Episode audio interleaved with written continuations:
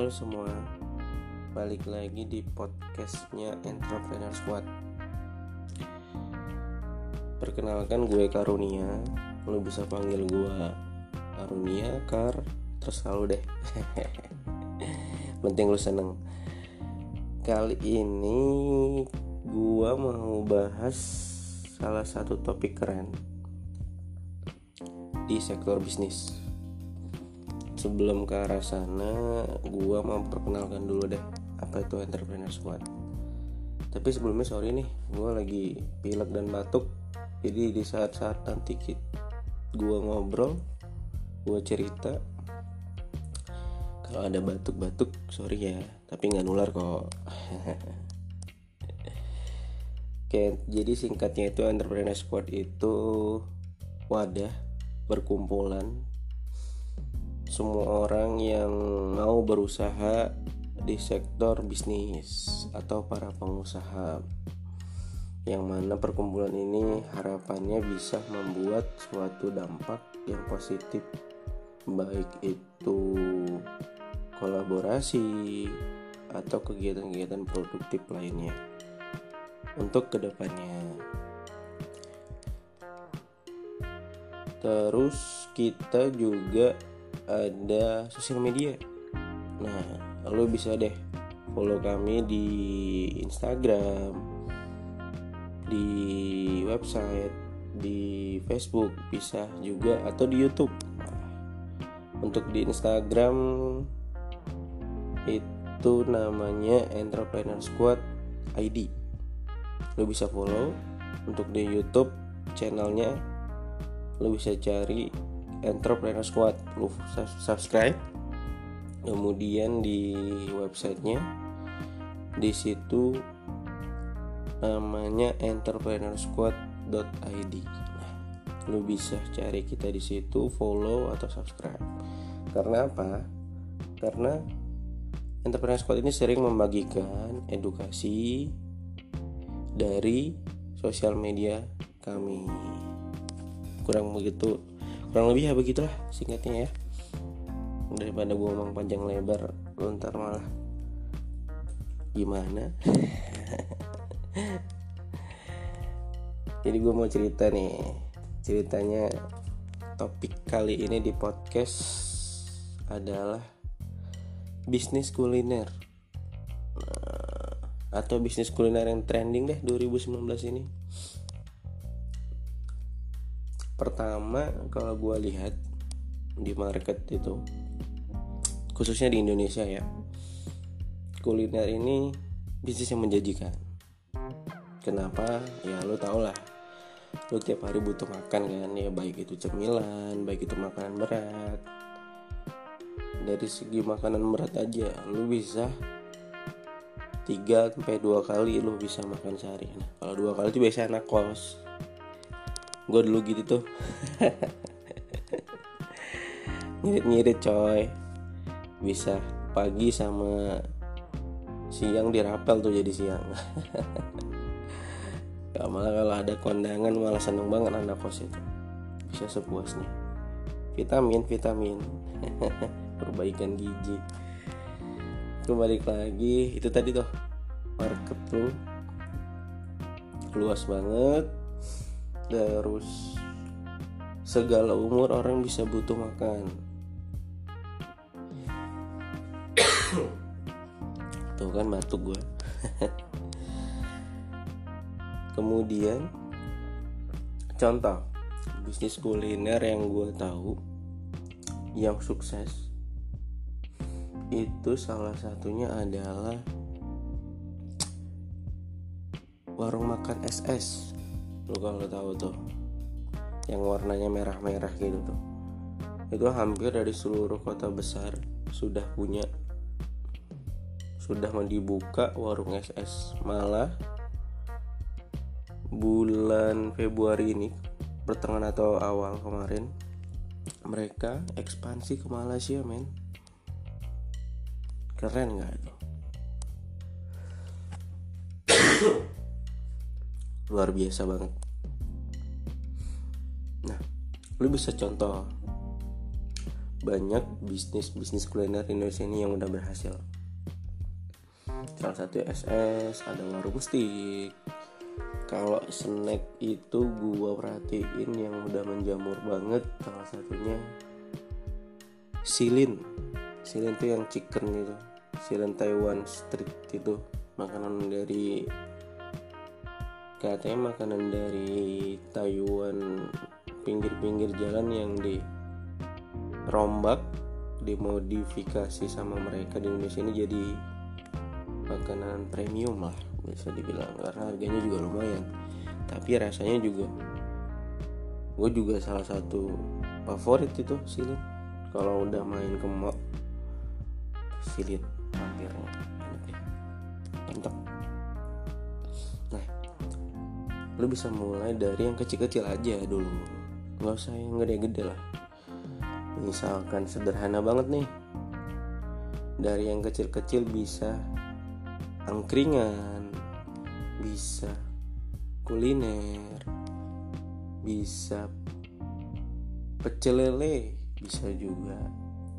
Atau kalau lu berat di sektor makanan berat di cemilan bisa. Contoh kayak namanya martabak bisa. Terus lo bisa buat macam-macam deh banyak. Yang banana dimodifikasi jadi topping-topping segala macam. Digoreng campurin tebar coklat. Wah kalau gue jadi lapar malah bahas begini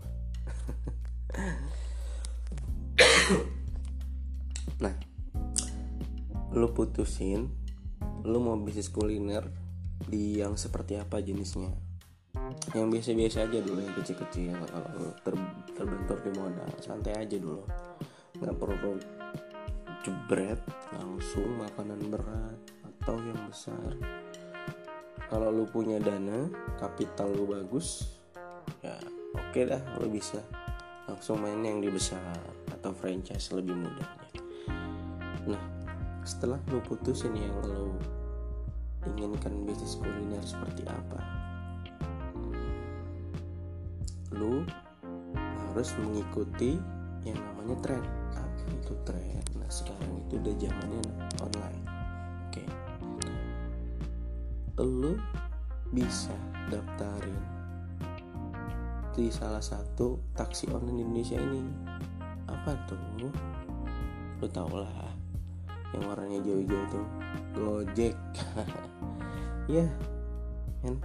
Sekarang makanan itu orang mau belanja makan atau beli makan tuh nggak perlu ke lokasi lagi. Sekarang udah ada GoFood.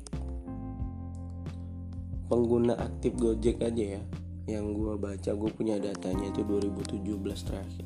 2017 Desember terakhir itu udah 15 juta orang yang aktif seluruh Indonesia ya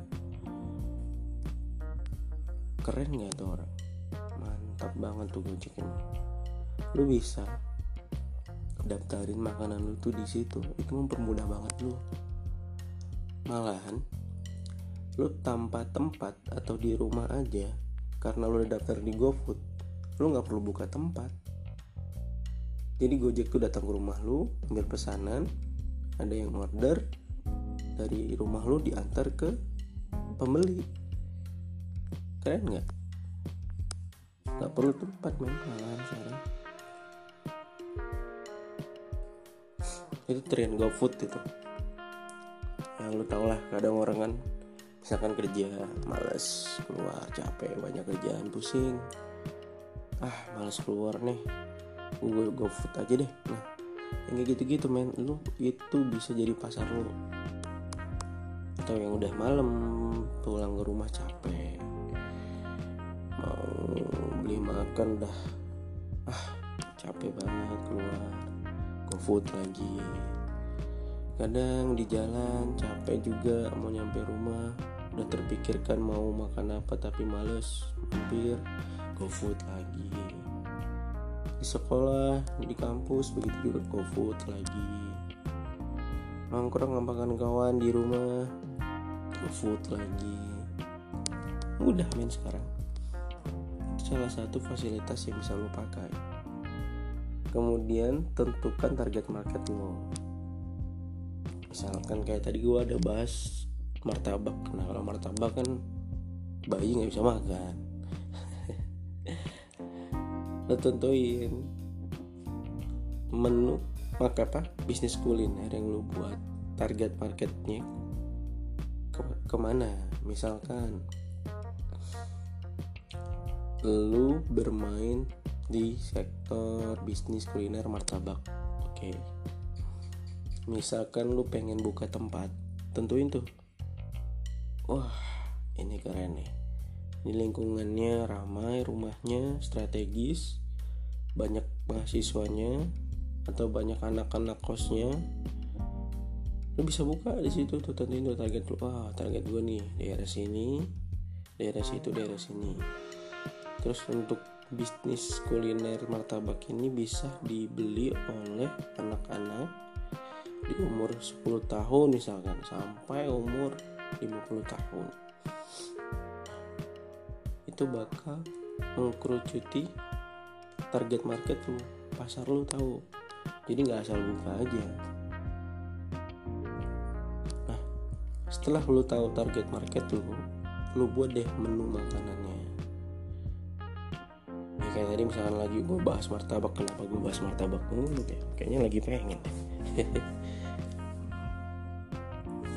Aduh sorry sorry. Terus martabak lagi buat menunya. Nah, martabak manis. Dicampur coklat keju susu atau martabak telur. Nah lu kasih deh yang martabak manis itu variannya ada apa aja mempermudah customer lu untuk membeli dengan rasa yang dia inginkan. Nah, setelah itu lu tester lu lakukan bikin menu bisnis kuliner lu yang lu bisa. Nanti lu bikin tester ke kerabat terdekat tetangga misalkan. Istri lu kalau punya istri pacar lu kalau punya pacar jomblo ya nasib dah. Terus kemudian orang tua lu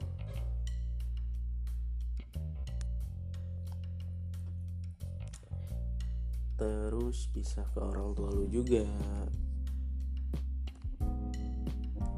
Jadi kurang lebih gitu untuk testernya. Kemudian lu sebelum untuk membuka lagi lu juga persiapan namanya buat promo opening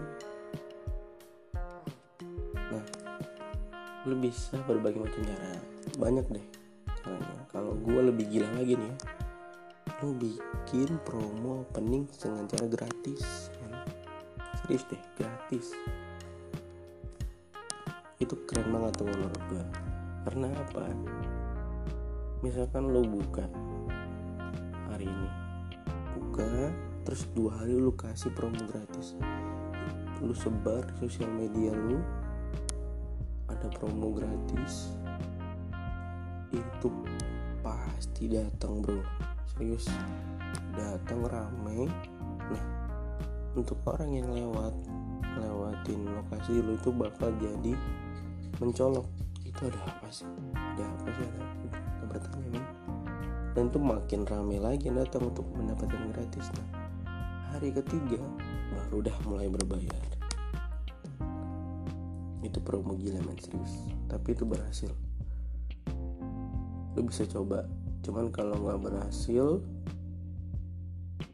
gue nggak jamin. Tapi boleh dicoba deh menurut gue rata-rata. Ada salah satu kuliner itu yang bis yang dia pakai cara itu tuh nasi goreng mafia. Dulu awal-awal buka mereka ngasih gratis 2000 piring men. Iya, bayangin tuh dah satu porsi modal. Berarti mereka modalnya agak gede tuh 2000 piring misalkan aja nasi goreng. Gua misalkan 10 ribu deh misalkan. 10 ribu kali 2000 tuh lo kalikan lah. Berapa tuh dah? Modalnya agak lumayan juga emang. Cuman berhasil mereka. Sampai sekarang. Nah kemudian tadi gue bahas GoFood. Lu daftarin deh buat bisnis lu kuliner itu di GoFood karena mempermudah konsumen untuk mencari lu. Nah caranya itu biasanya lu melengkapi daftar yang lebih melengkapi daftar data-data umum tuh di Gojek. Itu kayak ya normal lah biodata nama identitas alamat informasi restoran informasi penagihan misalnya gitu. Terus nama NPWP nama organisasi NPWP aman NPWP terus pastikan lu juga nyiapin yang namanya foto-foto makanan daftar menu harga menu. Nah terus lu juga nanti tanda tangan kontrak di GoFood. Itu biasanya nanti di by email tuh biasanya. Jadi electronic signature gitu kontrak GoFoodnya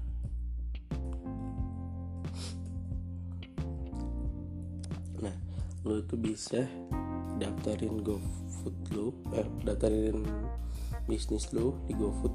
Itu di linknya itu www.go strip jek.com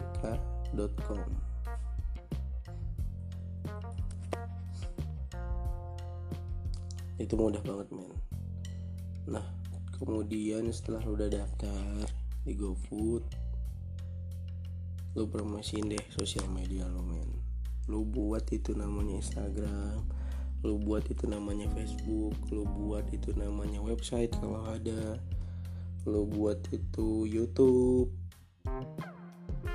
YouTube itu ya lu tau lah sekarang gila main YouTube kan jadi trending.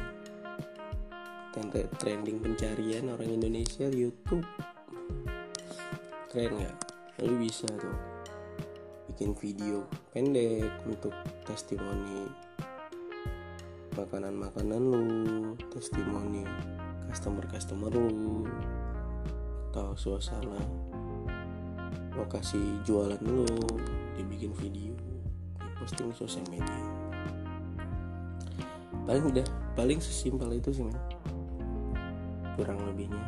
Ya intinya lu kalau udah pengen berbisnis jangan setengah-setengah kalau gue bilang. Kalau mau sekarang sekarang kerjakan actionnya. Jangan kebanyakan mikir. Jangan kebanyakan drama. Ya anak muda sekarang lu tau lah. Anak milenial kadang terlalu banyak dramanya dalam hidup. Ya kalau lu udah berkecimpung ya eksekusi jalanin. Jatuh bangun. Jatuh bangun lagi.